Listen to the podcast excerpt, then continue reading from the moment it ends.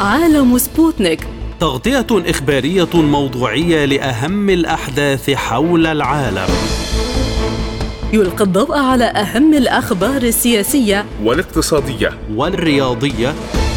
وجولة مع الأخبار الخفيفة من سبوتنيك بريك في عالم سبوتنيك. أهلا بكم مستمعينا الكرام في حلقة جديدة من عالم سبوتنيك. يسعد بصحبتكم في هذه الحلقة عبد الله حميد ونوران عطا الله والبداية مع أبرز العناوين.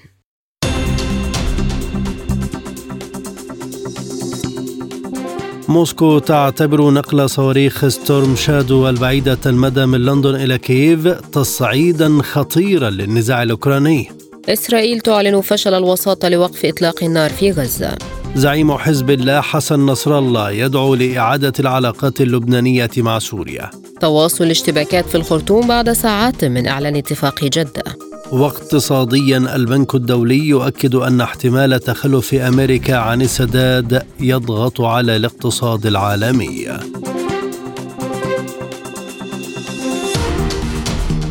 أعلنت وزارة الخارجية الروسية أمس الجمعة أن نقل صواريخ ستورم شادو البعيدة المدى من لندن إلى كييف يؤدي إلى تصعيد خطير للنزاع الأوكراني. وجاء في بيان وزارة الخارجية الروسية أنها تعتبر هذا القرار خطوة أخرى عدائية للغاية من جانب لندن وتهدف إلى زيادة ضخ الأسلحة لأوكرانيا وتؤدي إلى تصعيد خطير للوضع في منطقة العملية العسكرية الخاصة. وتابع البيان أن نقل أنظمة الصواريخ عالية الدقة بعيدة المدى إلى نظام كييف يؤكد بوضوح المستوى غير المسبوق لتورط بريطانيا في الصراع الأوكراني. وأشارت الوزارة إلى أن بريطانيا بتسليمها أنظمة الصواريخ البعيدة المدى ستورم شادو إلى أوكرانيا تنقل الصراع إلى مستوى جديد من التدمير.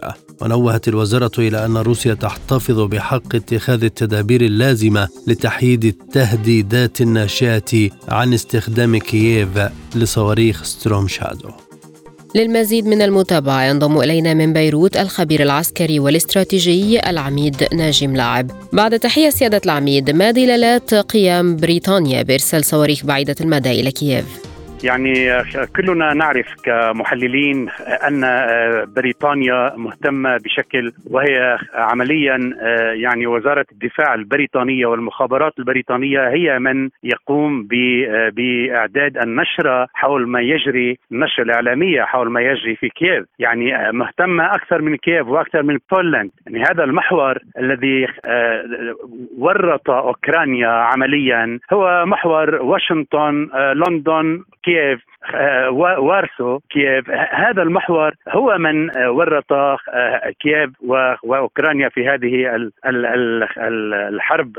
يعني كان ممكن أن تنتهي كل هذه الأمور لو جلس الجميع على الطاولة واعترف باتفاقية مينسك التي وضعت عام 2015 بضمانة ألمانية فرنسية لحق تقرير المصير للولايتين في الدونباس وكان ممكن أن ينتهي كل ذلك من دون أن نصل إلى هذا الوضع، اليوم بريطانيا عندما ترسل هكذا صواريخ يعني أنها تستعد لما هو أكثر من مما يجري حاليا وتنتقل إلى مرحلة جديدة بهذا الموضوع. ولكن الروس عودونا كذلك أن التصعيد يقابل بتصعيد أقوى. وهذا أعتقد أن يعني يبعد الحلول السلمية. وهذا هذه مسؤولية الغرب ومسؤولية واشنطن ولندن تحديدا.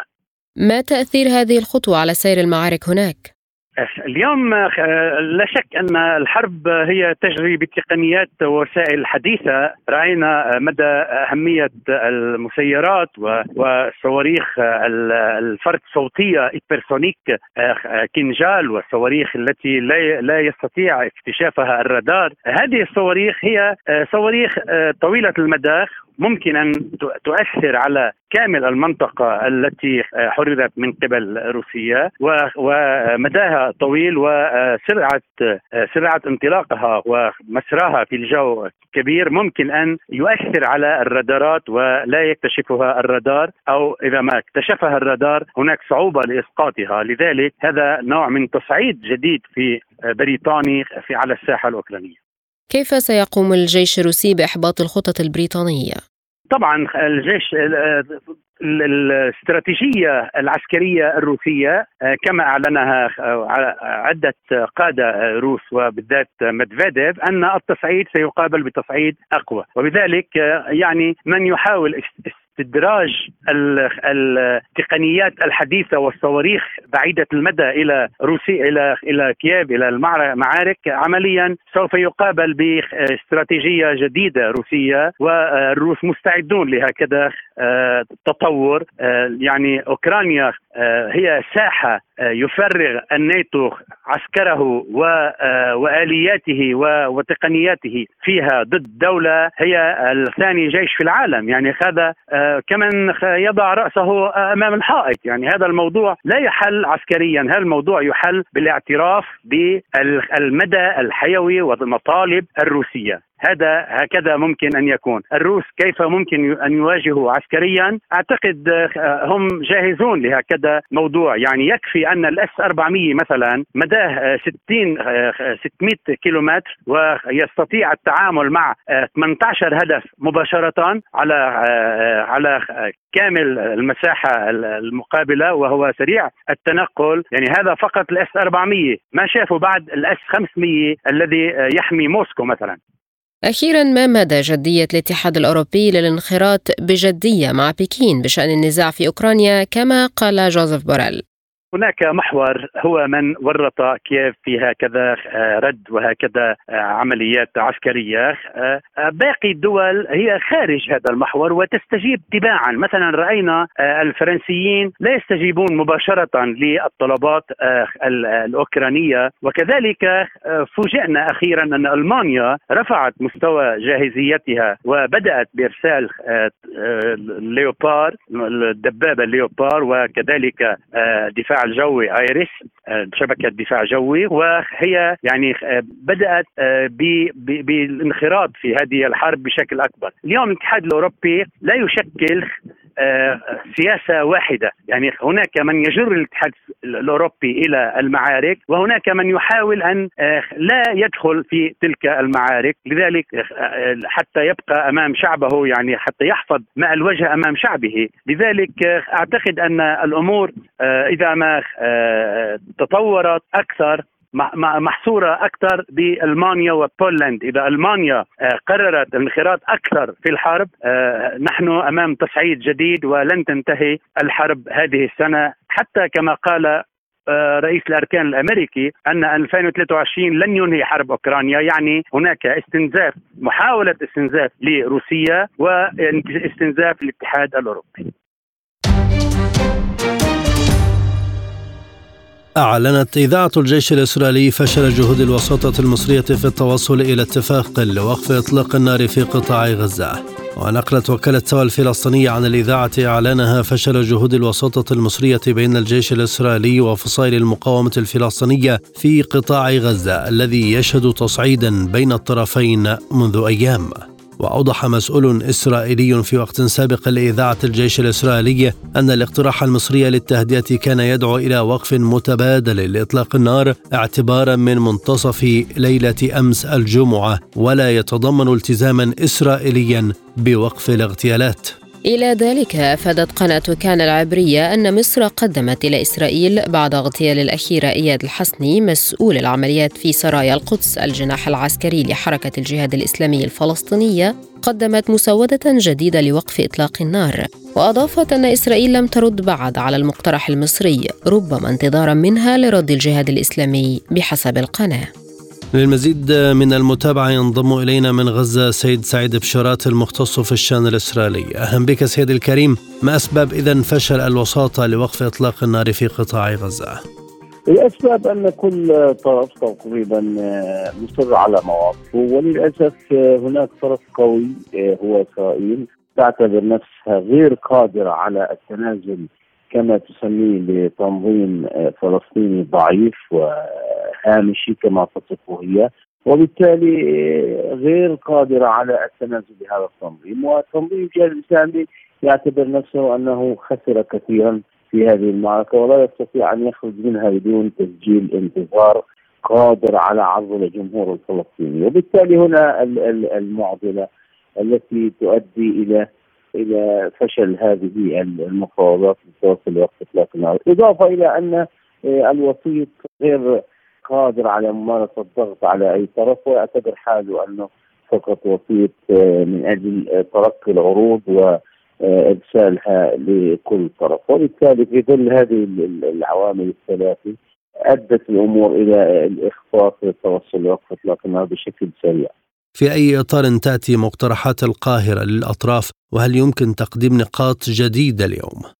أعتقد من الصعب تقديم مقترحات أكثر من التي قدمت. يعني مصر حاولت أن آه، تعمل على آه، إنعاش بعض المقترحات المقبولة على الطرفين أو القريبة من وجهة النظر الإسرائيلية التي ترى نفسها أنها القوي والقريبة لوجهة نظر الجهاد الإسلامي آه، كي تقنع بأن يوافق عليها كونه الطرف الفلسطيني الضعيف في هذه المعادلة وبالتالي ما في مقترحات غير هيك.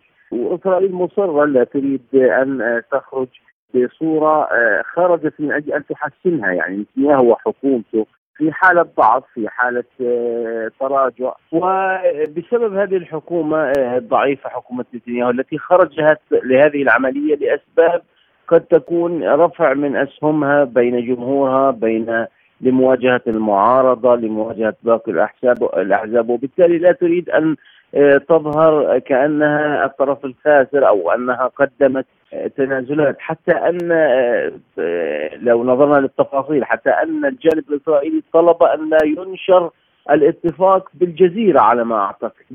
كما ذكر لي بالتفصيل هذا أن لا ينشر الاتفاق كي لا يعلم بما تم الاتفاق عليه إيتمار بن وسموتريتش لأن هؤلاء أطراف يضغطون على نتنياهو وبالتالي هناك عوامل كثيرة تمنع آه، هذا الاتفاق من النضوج ومن تقبل المقترحات التي تطرحها مصر وهي مقترحات محدودة ولا يوجد آه، توسيع لها وكلها تدور نفس الحلقة التي يتم تغيير صيغ من أجل قبول إسرائيل بها آه، والجهاد الإسلامي. ما هو التصور الذي يمكن أن يقبله نتنياهو في ظل الضغط المستمر عليه من جانب أعضاء حكومته؟ أعتقد نتنياهو لن يقبل بأي تصور وسيوافق فقط على صيغة واحدة وقف إطلاق النار مقابل الهدوء. أعطيني هدوء وسأمنحك وقف إطلاق النار. فقط هذه النقطة التي سيوافق عليها نتنياهو. لن يوافق على شيء وهو يكررها دائما أن الهدوء يقابل بالهدوء لا ولم يطرح أي صيغة أخرى لذلك هو يرفض يرفض أن يوقف الاغتيالات لأن هذا يتعارض مع ما يطلبه تمار بن كبير ويرفض أن يخرج جثمان أو يفرج عن جثمان شهيد خضر عدنان في ظروف اتفاق مع الجهاد الإسلامي أو أن يغير شيء بما يتعلق بمسيره الإعلام التي تعتبر بالنسبة له شيء مرتبط باليمين ومعتقدات وأيديولوجية اليمين. لماذا لم نرى إذا تحركا دوليا فاعلا في ملف الوساطة وربط الأمر بجهود أمريكية في الأمم المتحدة لإيقاف أي بيانات ضد إسرائيل؟ للأسف أولا العملية بدأت في ظل ظروف لا تخدم الجهاد الإسلامي ولا تخدم الفلسطينيين لم يكن الحدث مرتبط بحدث كبير يتعلق بالفلسطينيين جميعا كان كان الضرب موجهه لفصيل فلسطيني واحد وهو كما ذكر في الإعلام الإسرائيلي الجهادي الإسلامي.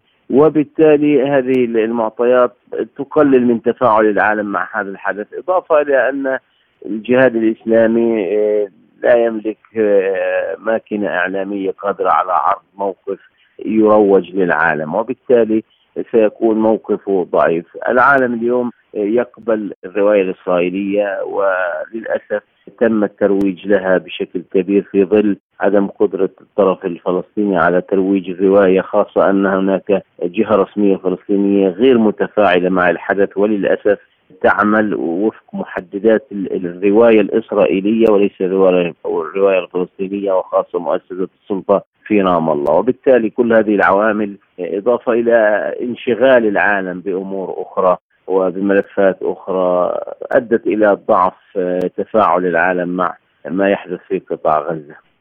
المشهد القادم هل يذهب إلى مزيد من التصعيد؟ وما الشرارة التي يمكن أن تحول هذه المواجهات إلى حرب شاملة؟ الآن آه، المسارات التي يمكن أن تتجه إليها الأحداث. أولا إما أن يتم الاتفاق على شيء في القاهرة وتوافق الجهاد الإسلامي على وقف إطلاق النار. وتوافق إسرائيل أيضا على وقف إطلاق نار متبادل أن آه، طبعا لا أعتقد أن توافق إسرائيل على أي شرط لا أعتقد لكن ستوافق على وقف إطلاق النار دون إعلان أي تفاصيل أخرى. اثنين قد آه، تنفجر الأوضاع كما ذكرت إذا ما تطورت الأمور إذا ما استهدف مثلا قيادات غير الجهاد الإسلامي وبالتالي استهداف قيادات غير الجهاد الإسلامي سيدخل فصائل أخرى في المعادلة وبالتالي ستنفجر الأوضاع التي لا تريد أن تنفجر إسرائيل لأنها لا تريد أن توسع هذه المعركة في ظل الظروف الحالية. وبالتالي هناك آه، أو أن تقوم إسرائيل من طرفها بوقف إطلاق النار خاصة أن الجهاد الإسلامي خسرت كثير من قيادتها وبالتالي تتوقف الأمور الرد ورد الفعل. دعا الأمين العام لحزب الله اللبناني حسن نصر الله لإعادة العلاقات اللبنانية مع سوريا وذلك في أعقاب قرار وزراء الخارجية العرب عودة دمشق لجامعة الدول العربية قبل أيام.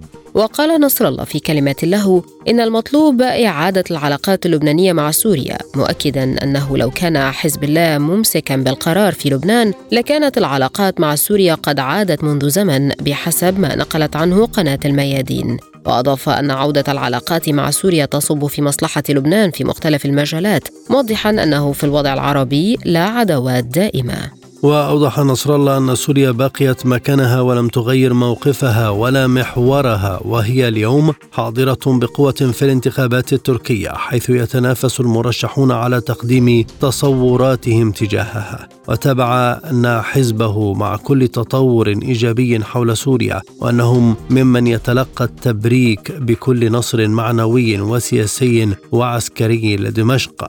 وأضاف أن زيارة الرئيس الإيراني إلى سوريا تأكيد على العلاقات الاستراتيجية الإيرانية السورية على مختلف المستويات. للمزيد من المتابعة ينضم إلينا من بيروت دكتور طارق عبود الخبير بالشؤون الدولية واللبنانية بعد تحية ما هو الموقف اللبناني سياسيا وشعبيا من عودة العلاقات مع سوريا؟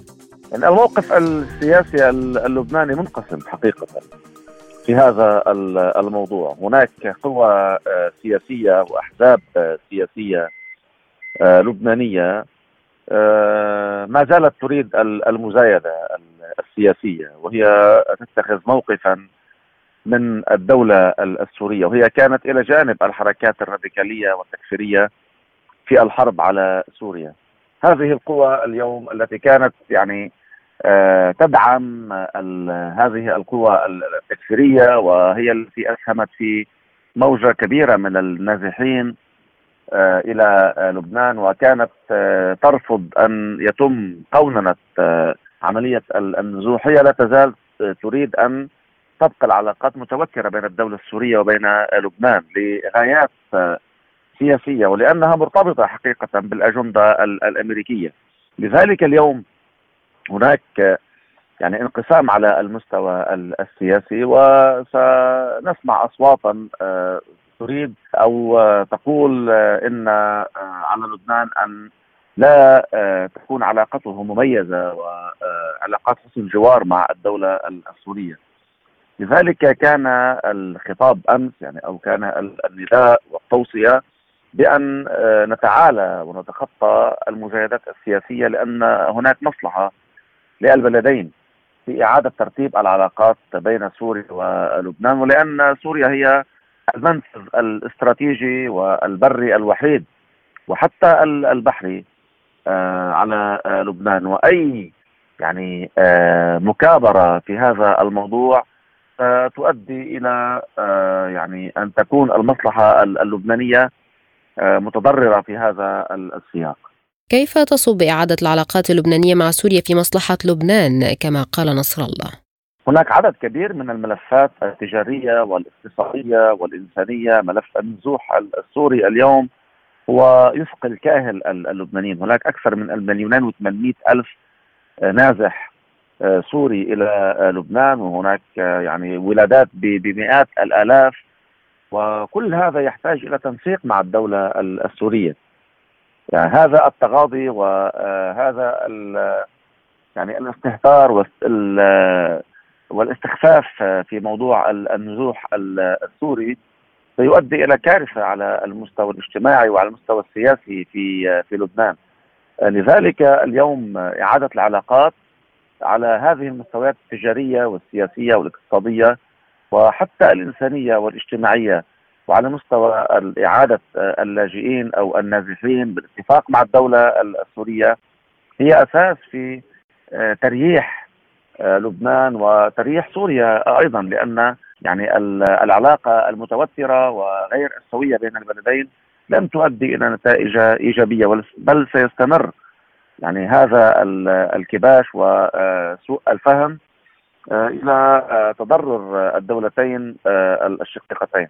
كيف تؤثر إذا عودة سوريا للجامعة العربية على الأوضاع السياسية في لبنان لا سيما أزمة الشهور الرئاسي؟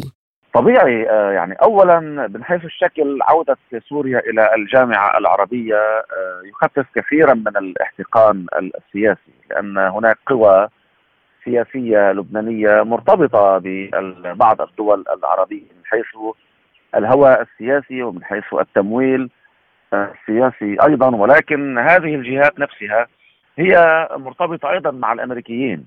لذلك نرى ممانعة من هذه الجهات حتى لو عاد العرب إلى سوريا أو عادت سوريا إلى الجامعة العربية. نرى بعض يعني المكابرة أو كثير من من المكابرة. تريح الجو العربي هو مع سوريا هو يدفع هذه يعني العلاقات إلى آه، أماكن وإلى مساحات آه، إيجابية وجيدة ولصالح الطرفين. تواصلت الاشتباكات العنيفة بين قوات الجيش السوداني وقوات الدعم السريع في عدة مناطق في العاصمة السودانية الخرطوم أمس الجمعة وذلك بعد ساعات من توقيع اتفاق جدة الذي يهدف لحماية المدنيين وذكرت وكالات الأنباء أن الاشتباكات القوية تجددت جنوبي الخرطوم ومدينة بحري شمالي الخرطوم ومنطقة شرق النيل ومدينة أم درمان غربي العاصمة مشيرة إلى أن الطائرات العسكرية حلقت بكثافة في مناطق بمدينة بحري شمال وجنوب الخرطوم. إلى ذلك دعت المملكة العربية السعودية رئيس مجلس السيادة السوداني الفريق أول ركن عبد الفتاح البرهان إلى قمة جامعة الدول العربية والمقرر عقدها في مدينة جدة في التاسع عشر من مايو أيار الجاري. ونقلت وكالات عن دبلوماسي سعودي قوله إن طرفي الصراع في السودان سيستأنفان غدا الأحد في جدة. المحادثات حول كيفية تنفيذ خطط إيصال المساعدات الإنسانية وسحب القوات من المناطق المدنية. وأضاف أن الطرفين سيظلان في مدينة جدة لبدء المرحلة التالية من المفاوضات بعد الاتفاق الخميس الماضي على خطة حماية المدنيين. للمزيد ينضم إلينا من الخرطوم السيد عمار العركي الكاتب والمحلل السياسي. أهلا بك أستاذ عمار. إلى أي مدى يمكن أن يصمد اتفاق جده في ظل الاشتباكات المستمرة بين طرفي الصراع مرحبا بك اولا.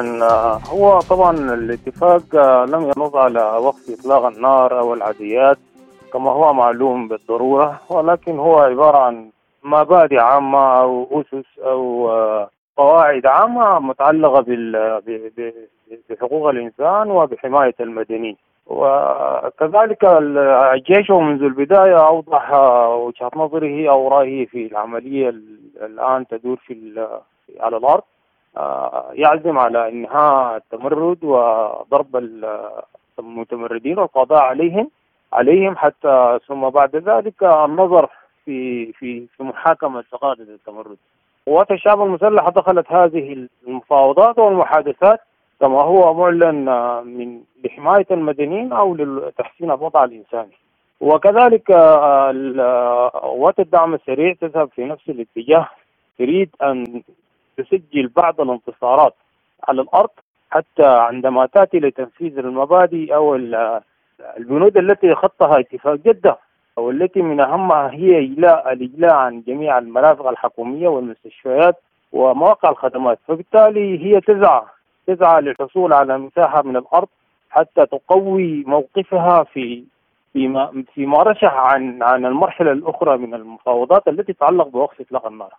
لكن أليس من المفترض أن يكون الأطراف أكثر حرصا على المدنيين وكيف يؤثر ذلك على الجهود الإنسانية المبذولة لحماية المواطنين؟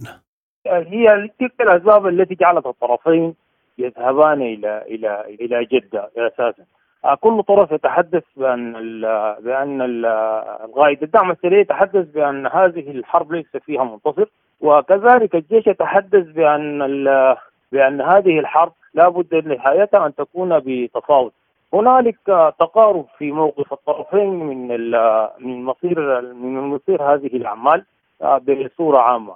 فيما يتعلق بالموقف الإنساني كان يتحدث بكل صراحة بأن بأن المتدخلين أو المجتمع الدولي أو الحريصين على على على أمر الوضع الإنساني عموما في السودان ليس هنالك شفافية أو مصداقية في في في مسألة إنزال هذا الأمر على الواقع ولكن يتم دوما استخدام هذا الكرت أو هذا الملف لتحقيق بعض بعض المكاسب السياسية لطرف لطرف أو لأحد الطرفين أو طرف دون الآخر.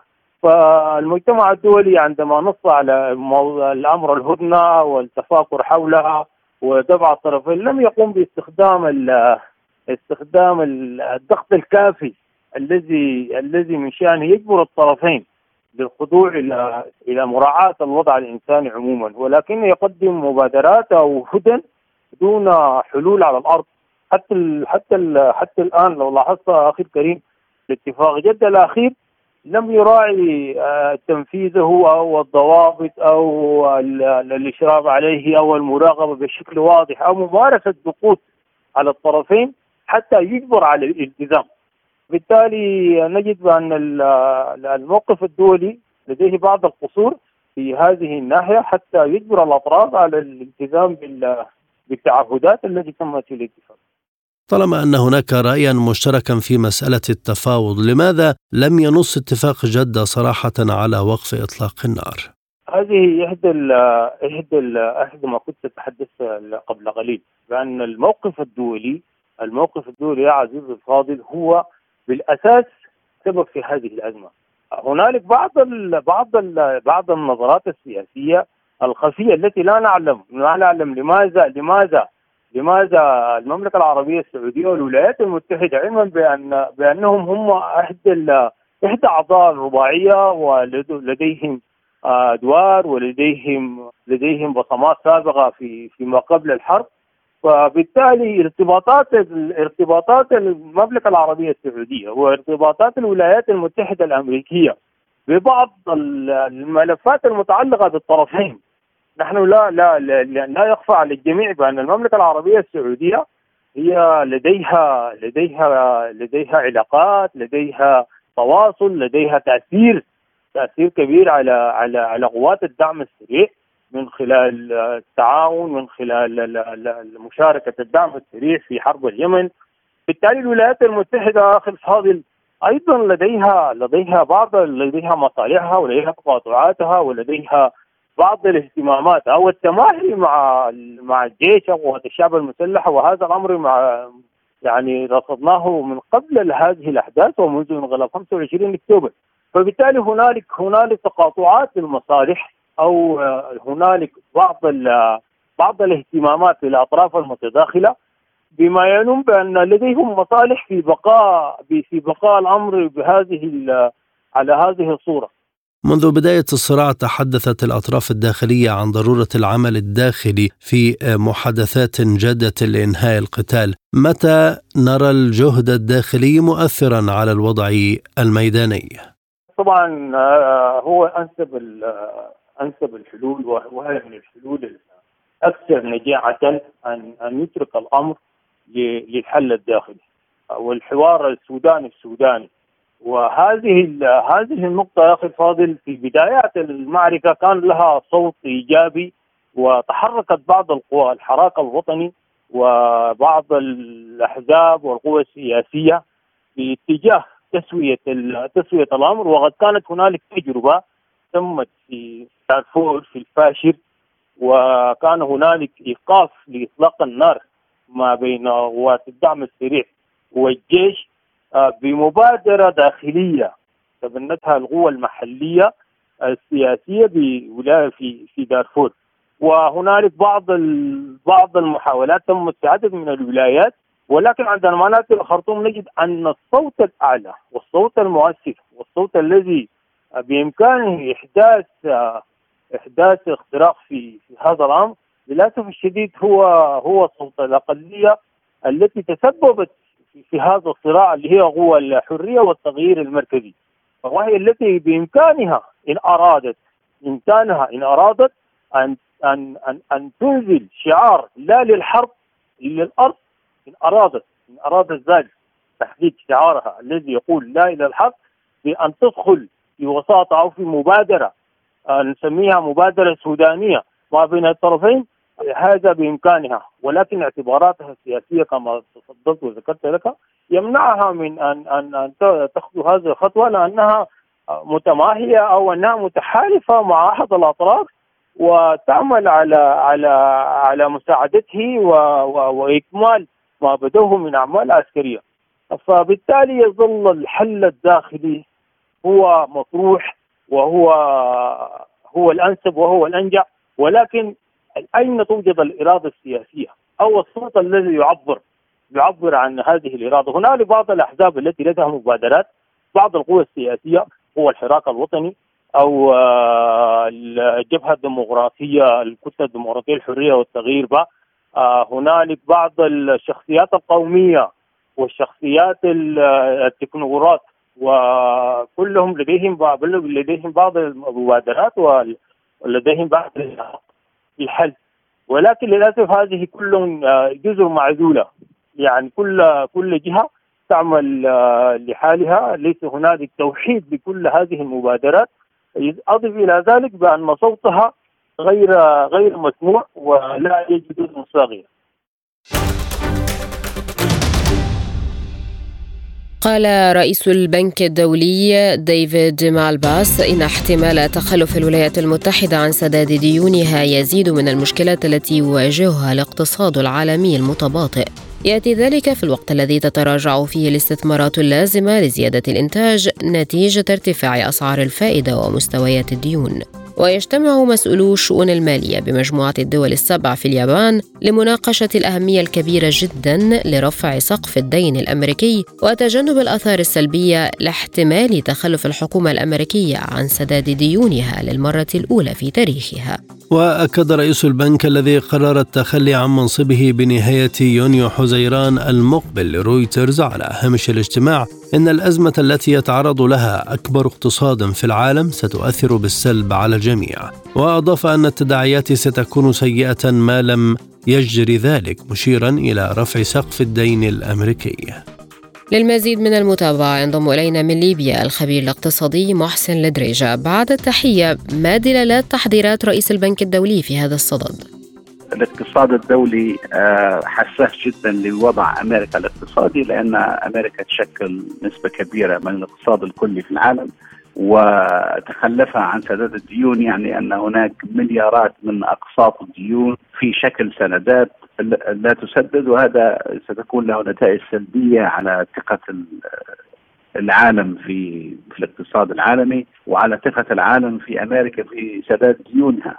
آه ينبغي أن نعلم أن أمريكا رفعت سقف آه الدين 74 مرة من 1962 إلى 2011 ويعني هذا يعني أن أمريكا آه، تزيد من حجم آه، الديون عليها وتزيد من التزاماتها على السداد. وأنا أعتقد لن يكون هناك مفر من أن أمريكا سترفع سقف الدين هذه المرة أيضا لتجنب كارثة آه، اقتصادية دولية. ولكن عاجلا أو اجلا لابد من الالتفات إلى هذا الأمر وتخفيض الدين الأمريكي. أمريكا ليست الوحيدة التي عليها ديون كبيرة واقترضت من السوق العالمي للإنفاق. آه، آه، الصين أيضا عليها ديون كبيرة ولكن ليست بحجم الولايات المتحدة وليست بنفس النسبة آه، مقارنة بالناتج القومي التي لدى الولايات المتحدة. ولهذا هذا أمر خطير بالنسبة للاقتصاد الدولي لأن أي خلل فيه يعني أن هناك ردات أفعال سلبية على ثقه في الاقتصاد الدولي وعلى ثقة الناس في العملات أيضا. ما هي الآثار السلبية المترتبة على احتمال تخلف واشنطن عن سداد ديونه على الاقتصاد العالمي؟ بداية هذه الديون تشكل تريليونات وليست مليارات أو ملايين وعدم سدادها في وقتها يعني سيكون هناك شكوك حول قدرة الولايات المتحدة على السداد في المستقبل وهذا يؤدي إلى انخفاض في الإنفاق وأيضا يؤدي إلى بيع السندات وتخفيض مستواها لائتمانها يعني أن العالم سيرى أن السندات الأمريكية ليست بالجودة التي كانت عليه وهذا بدوره سيجعل أمام الولايات المتحدة صعوبات أكبر في الحصول على المزيد من التمويل الدولي. هذه كلها ستؤدي إلى انخفاض حركة الاقتصاد الدولي، انكماش في الأسواق المالية أيضا وفي قيمتها وستؤدي حتما إلى ركود اقتصادي. هل ما يحدث في واشنطن سيكون له تأثير على الدول العربية أم الغربية أكثر؟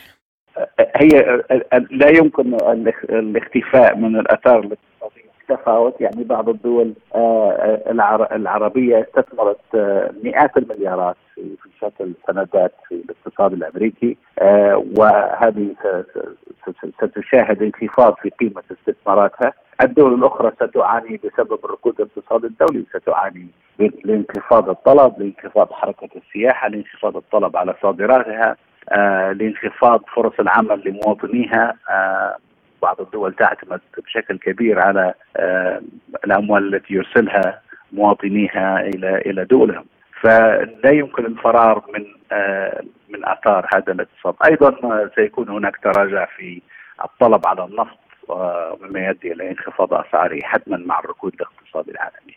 ولكن أتوقع إن أمريكا ستتجنب هذا برفع سقف الدين وتأجيل المشكلة إلى وقت آخر. وكيف يمكن تجنب هذه التداعيات حال تخلفت واشنطن فعليا عن سداد ديونها؟ سيكون من الصعب من الصعب تجنب ذلك ذلك حدث يعتبر كبير أعتقد سيكون هناك صدمة اوليا ثم سيتم إيجاد حلول جزئية للمشكلة ربما ضغط على السياسيين الأمريكيين للتعامل مع مشكلة الدين العام ومشكلة رفع السقف باستمرار كما ذكرت لك 74 مرة من 62 إلى 2011 قامت أمريكا برفع السقف ولم تحاول تخفيض الدين. آه العام الواقع عليها ابدا بل هو في ازدياد مستمر وهذا أمر لا يمكن الاستمرار فيه إلى الأبد. أمريكا استطاعت أن تفعل ذلك لأن هناك رغبة في آه حيازة الدولار الأمريكي يعتبر ملجأ آه للعالم كله. كعملة احتياط. 60% من احتياطيات العالم هي بالدولار الأمريكي. آه في حالة تخلف عن الديون سيكون هناك شكوك حول قيمة الدولار الأمريكي حول آه فاعلية الاقتصاد الأمريكي في المستقبل. وهذا أمر لا تستطيع تحمله أمريكا وسيؤدي مؤكدا إلى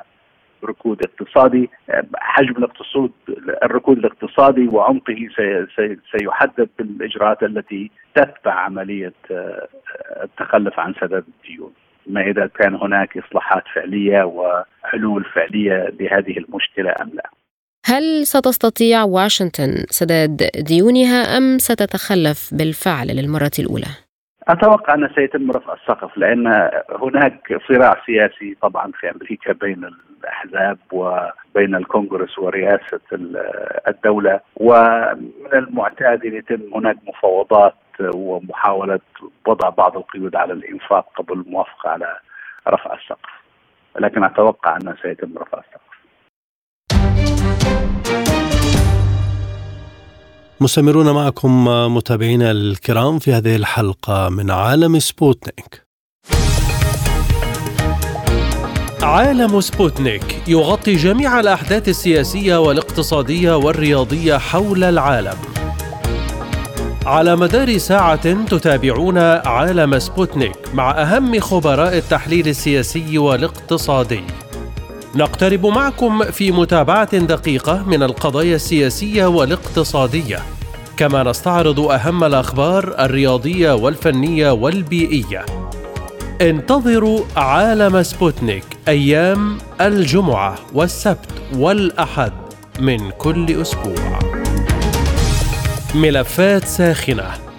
برنامج يسلط الضوء على أهم القضايا الحرجة في العالم. في ملفات ساخنة. نستعرض القضايا مع جميع الأطراف ومن كل الزوايا لاستجلاء الحقيقة. ملفات ساخنة. يستضيف أهم الخبراء وأجرأ الضيوف. تابعوا ملفات ساخنة مع راديو سبوتنيك أيام السبت والثلاثاء والخميس من كل أسبوع. الآن إلى جولة من الأخبار حول العالم. قال نائب رئيس مجلس الأمن الروسي ديمتري ميدفيديف إن مهمة روسيا هي إعادة النظام العالمي إلى مبادئ المساواة ومنع هيمنة بعض الدول على دول أخرى. وأضاف ميدفيديف في حديثه في منتدى بطرسبورغ القانوني الدولي الحادي عشر أن المهمة الأساسية هي أولا وقبل كل شيء ضمان احترام لروح ونص القانون بما في ذلك روح ونص ميثاق الأمم المتحدة والمبادئ الأساسية للقانون الدولي المستمدة منه. وأكد أن الغرب يسلح النظام الأوكراني ويتسبب في انهيار اقتصادي في جميع أنحاء أوروبا والعالم ويصرخ من جميع الجهات بأن موسكو عدوانية. أعلن مفوض الشؤون الخارجية في الاتحاد الأوروبي جوزيف بوريل أن علاقات الاتحاد الأوروبي مع الصين لن تتطور بشكل طبيعي إذا لم تقنع الصين روسيا بمغادرة أوكرانيا.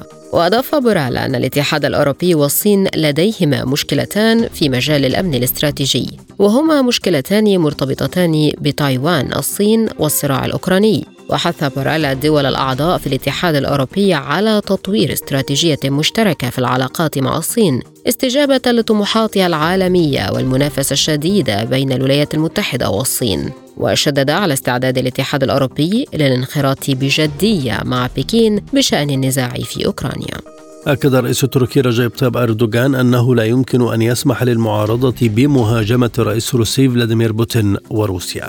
جاءت تصريحات أردوغان على خلفية اتهامات كمال كليجدار زعيم حزب الشعب الجمهوري المعارض الرئيسي. مرشح تحالف الأمة لروسيا بالوقوف وراء محتوى فيديو قال إنه يشوه سمعة مرشح الرئاسة للانتخابات المزمعة في الرابع عشر من مايو الجاري. من جهته أكد المتحدث باسم الرئاسة الروسية ديمتري بيسكوف أن موسكو لا تتدخل في السياسة الداخلية والعمليات الانتخابية للدول الأخرى.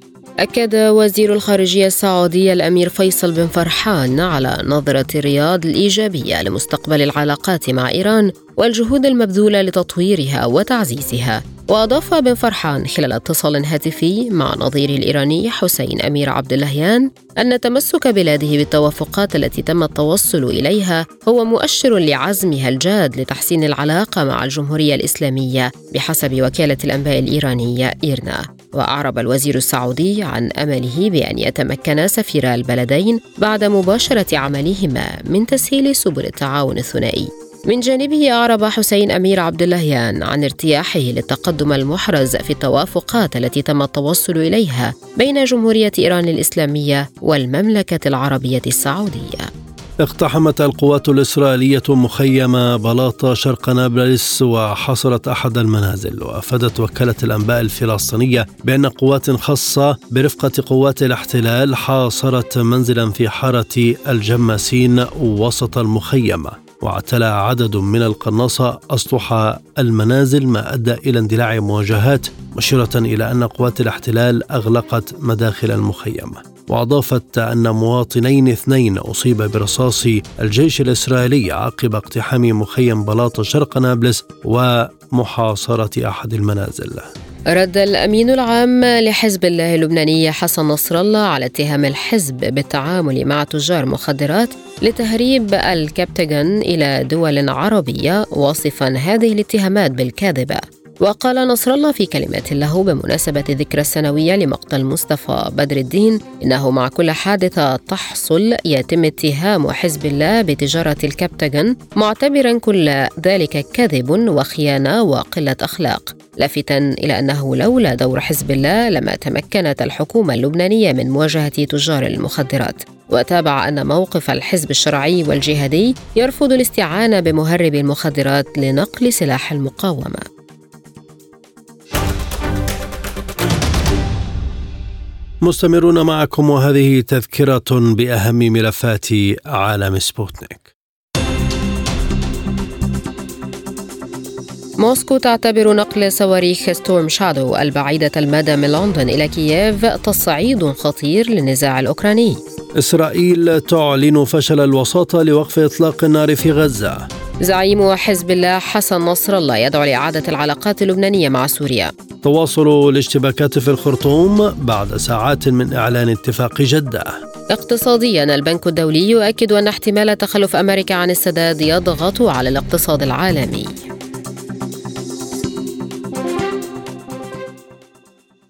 الآن إلى جولة في أخبار الاقتصاد. أعلن المتحدث باسم الرئاسة الروسية ديمتري بيسكوف أنه من الضروري تنفيذ الجزء الثاني من صفقة الحبوب لتمديدها وهو المتعلق بروسيا. وأشار في هذا الصدد إلى أن مفاوضات عقدت يومي الأربعاء والخميس في اسطنبول بين وفود تركيا وروسيا وأوكرانيا والأمم المتحدة لتمديد اتفاق الحبوب. وقال بيسكوف إنه من أجل التوصل إلى اتفاق لن يساعد الحوار بين الرئيسين وإنما من أجل أن تتم هذه الاتفاقية من الضروري الوفاء بالجزء الثاني منها والذي يتعلق بالوعود المقدمة لروسيا. أكدت شركة غازبروم الروسية العملاقة أن أعمال المسح والتخطيط لتنفيذ مشروع خط غاز سايوز فوستوك اتحاد الشرق والذي يمر عبر منغوليا والصين وصلت إلى مراحلها النهائية وأضاف بيان للشركة أنه تم استعراض التقدم المحرز في العمل في اجتماع لفريق العمل المشترك بين حكومة منغوليا وشركة غازبروم بشأن تنفيذ مذكرة مشروع إمدادات الغاز. عبر خط أنابيب من روسيا إلى الصين عبر أراضي منغوليا. ومن المقرر أن يسمح هذا المشروع بإمداد ما يصل إلى 50 مليار متر مكعب من الغاز الروسي سنويا إلى الصين حيث ستكون شركة سايوز فوستوك في منغوليا استمرارا لخط أنابيب الغاز الروسي Power of Siberia 2 أتمت الحكومة المصرية صفقة بيع نحو 10% من أسهم شركة المصرية للاتصالات بحوالي 3.95 مليار جنيه أي 127.5 مليون دولار بحسب موقع شرق بلومبرج ونقل موقع عن مصدرين أن سعر البيع بلغ 23.11 جنيها للسهم لافتا إلى أنه تم بيع أكثر من 170.7 مليون سهم. وأنه تم تغطية الطرح بأقل من 2.5 مرة بقليل وأضاف أن المستثمرين المحليين تصدروا جنسيات مشتري أسهم المصرية للاتصالات بنسبة كبيرة بينما كان الإقبال من الأجانب والعرب محدودا. ومع إتمامها لعملية بيع حصة العشرة في المئة أصبحت نسبة ملكية الحكومة في المصرية للاتصالات نحو 70% أعلنت جمعية رجال الأعمال الفلسطينيين أن قطاع غزة يتكبد خسائر يومية بقيمة 50 مليون شيكل إسرائيلي نحو 14 مليون دولار منذ بداية التصعيد العسكري الإسرائيلي على القطاع. وحذرت في بيان من تداعيات استمرار إغلاق السلطات الإسرائيلية معبري كرم أبو سالم كيروم شالوم التجاري وبيت حانون إيرز لليوم الرابع على التوالي. وذكر رئيس الجمعية أحمد أبو عيدة أن استمرار إغلاق المعابر من شأنه إلحاق خسائر مالية مباشرة وغير مباشرة باقتصاد غزة تصل إلى ما يقارب الخمسين مليون شيكل يوميا. وأضاف أن استمرار إغلاق معبر كرم أبو سالم الشريان الرئيسي لدخول البضائع والمواد الغذائية يمثل عقابا جماعيا من شأنه زيادة المعاناة الإنسانية في قطاع غزة وإلحاق الضرر بالقطاعات التجارية والصناعية والزراعية وتهديد عمل محطة توليد الكهرباء نتيجة عدم دخول الوقود اللازم لتشغيلها.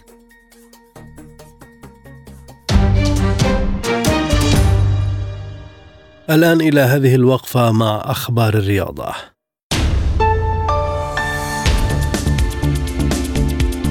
قالت الخدمة الصحفية التابعة للجنة البارالمبية الروسية في بيان إن محكمة استئناف اللجنة البارالمبية الدولية وافقت على الاستئناف المقدم من اللجنة الروسية. وأضافت أن قرار الجمعية العامة للجنة البارالمبية الدولية بتعليق عضوية اللجنة الروسية في المنظمة قد تم إبطاله. وأكدت اللجنة الروسية أنها تدرس المزيد من الخيارات بهدف زيادة الحماية القانونية لحقوق الرياضيين الروس في مسألة عدم القبول بالمسابقات الدولية. وضع الأهلي المصري قدما في المباراة النهائية لبطولة دوري أبطال إفريقيا بعد فوز على مضيف الترجي التونسي بثلاثة أهداف دون رد في المباراة التي أقيمت بينهما في ذهاب مباريات الدور نصف النهائي للبطولة. وسجل ثلاثية الأهلي بيرسي تاو هدفين في الدقيقتين الثامنة والرابعة والخمسين ومحمود عبد المنعم كهربا في الدقيقة الخامسة والسبعين من عمر المباراة. ومن المقرر أن يلتقي الأهلي في المباراة النهائية الفائز من مباراة سان داونز الجنوب إفريقي والوداد المغربي التي تقام الأحد.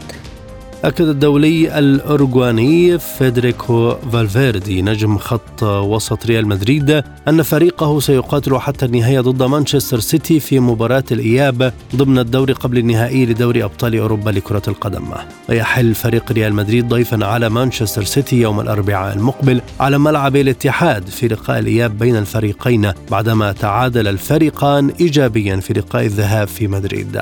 قال فالفيردي في تصريحات لصحيفة آس الإسبانية إن اللعب في دوري أبطال أوروبا شيء خاص لأنها البطولة المفضلة للريال وطبعا كل لاعب يحلم بالمنافسة على مستوى الكرة الأوروبية. وبالنسبة للجماهير ليس هناك أجمل من رؤية فريقك يتوج باللقب القاري.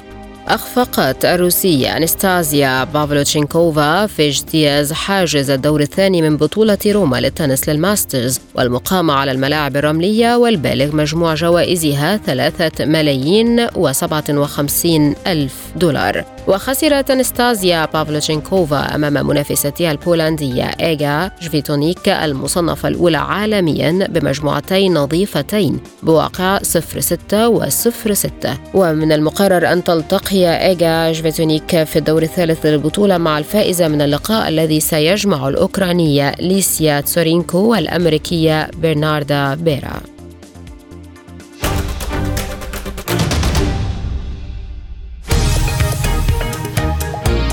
عالم سبوتنيك يغطي جميع الأحداث السياسية والاقتصادية والرياضية حول العالم.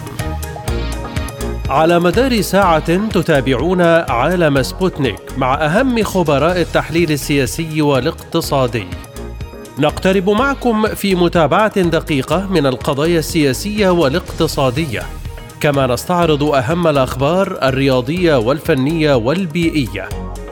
انتظروا عالم سبوتنيك أيام الجمعة والسبت والأحد من كل أسبوع.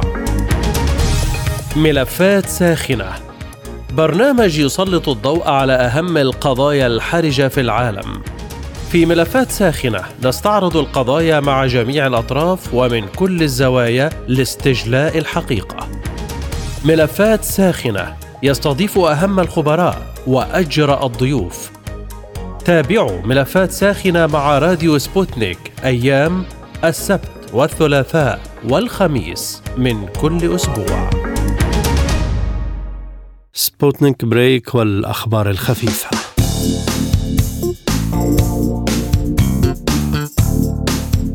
أعلنت وزارة العدل الأمريكية أن اليوتيوبر تريفور جاكوب المتهم بتحطيم طائرته عمدا للحصول على مشاهدات سيعترف أنه مذنب ما أدى لعرقلة تحقيق فيدرالي. وقال ممثل الادعاء في الولايات المتحدة أن جاكوب الذي يبلغ من العمر 29 عاما سيعترف بأنه مذنب لعرقلة تحقيق فيدرالي من خلال تنظيف موقع الحادث وفق وسائل إعلام أمريكية. ويواجه جاكوب ما يصل إلى عشرين عاما من السجن الفيدرالي بعد أن حطم عن عمد طائرة صغيرة ذات محرك واحد في غابة لوس بادريس الوطنية في كاليفورنيا. في عام 2021 وفقا لبيان صادر عن مكتب المدعي العام الأمريكي. وحمل جاكوب الذي نزل بالمظلة من الطائرة قبل تحطمها مقطع فيديو على موقع يوتيوب يوثق الحادث. وأخبر المحققين في البداية أن طائرته عانت من تعطل المحرك وأنه لا يعرف مكان الحطام. لكن قصته أثارت شكوك خبراء الطيران والسلطات الفيدرالية الذين اكتشفوا لاحقا أن جاكوب لم يقم بأي محاولة للاتصال بمراقبة الحركة الجوية أو إعادة تشغيل محركه أو البحث عن مكان آمن للهبوط. طور فريق بحثي متعدد المؤسسات علاجا جديدا للسرطان يجمع بين شظايا الأجسام المضادة والجسيمات النانوية المهندسة جزيئيا والتي قضت بشكل دائم على سرطان المعدة في الفئران المعالجة. ونشرت نتائج الدراسة أخيرا في مجلة Advanced Therapeutics وتمثل نتيجة لتعاون امتد لأكثر من خمس سنوات بين جامعة كورنيل ومركز ميموريال سلون كيترينج لعلاج السرطان وشركة الأدوية البيولوجية أسترازينيكا. وقالت المؤلفة المشاركة في الدراسة دكتورة ميشيل برادبري إنها رأت نتائج رائعة من قبل لكنها لم تر قط شيئا يقضي على ورم كهذا وشهدت علاجات السرطان المستهدفة مثل علاجات الأجسام المضادة والجسيمات النانوية استخداما سريريا محدودا بسبب قيود كل علاج لكن العلاج الجديد وهو تطور لما يسميه الباحثون نقاط كورنيل الرئيسية أو نقاط سي يجمع بين أفضل سمات كل منهما في نظام فائق الصغر وفعال للغاية.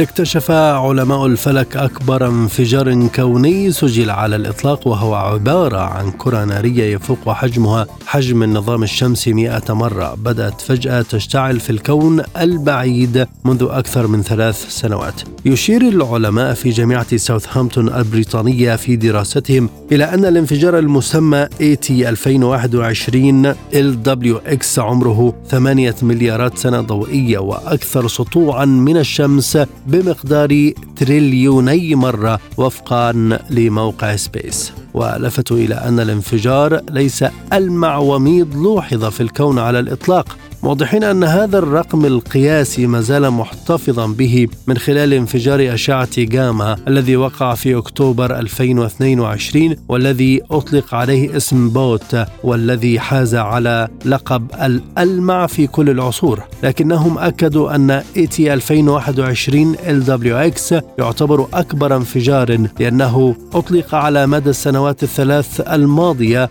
طاقة أكثر بكثير مما أنتجه الوميض القصير بوت كشفت دراسة حديثة أن أحجام الطيور أصبحت في جميع أنحاء الأمريكتين أصغر وأطول جناحا مع ارتفاع درجات حرارة كوكب الأرض. وبحسب الدراسة المنشورة في دورية الأكاديمية الوطنية للعلوم فإن أحجام الأنواع الأصغر تتغير بشكل أسرع. قاست الدراسة التغيرات في حجم الجسم وطول الجناح في أكثر من 86 ألف عينة من الطيور على مدى أربعة عقود في كل من أمريكا الشمالية والجنوبية. وتوصلت إلى أن حجم جسم الطيور تقلص بشكل واسع النطاق مع زيادات متزامنة في طول الجناح بينما حدثت هذه العملية بشكل أسرع نسبيا في أنواع الطيور الأصغر. وفسرت الدراسة ذلك بأن لدى الطيور الأصغر معدلات أيض أعلى عملية توليد الطاقة. وتتطلب المزيد من الطعام لكل وحدة من وزن الجسم ما قد يجعلها أكثر حساسية للتغيرات في بيئتها.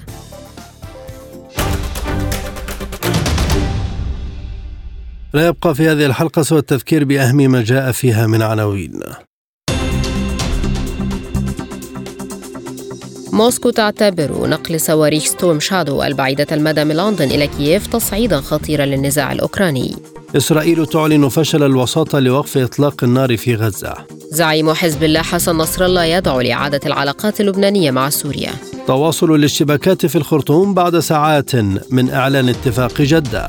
اقتصاديا البنك الدولي يؤكد أن احتمال تخلف أمريكا عن السداد يضغط على الاقتصاد العالمي. رياضيا الأهلي المصري يفوز على مضيف الترجي التونسي بثلاثة أهداف نظيفة في ذهاب نصف نهائي دوري أبطال إفريقيا لكرة القدم. للمزيد زوروا موقعنا سبوتنيك dot AE. إلى اللقاء.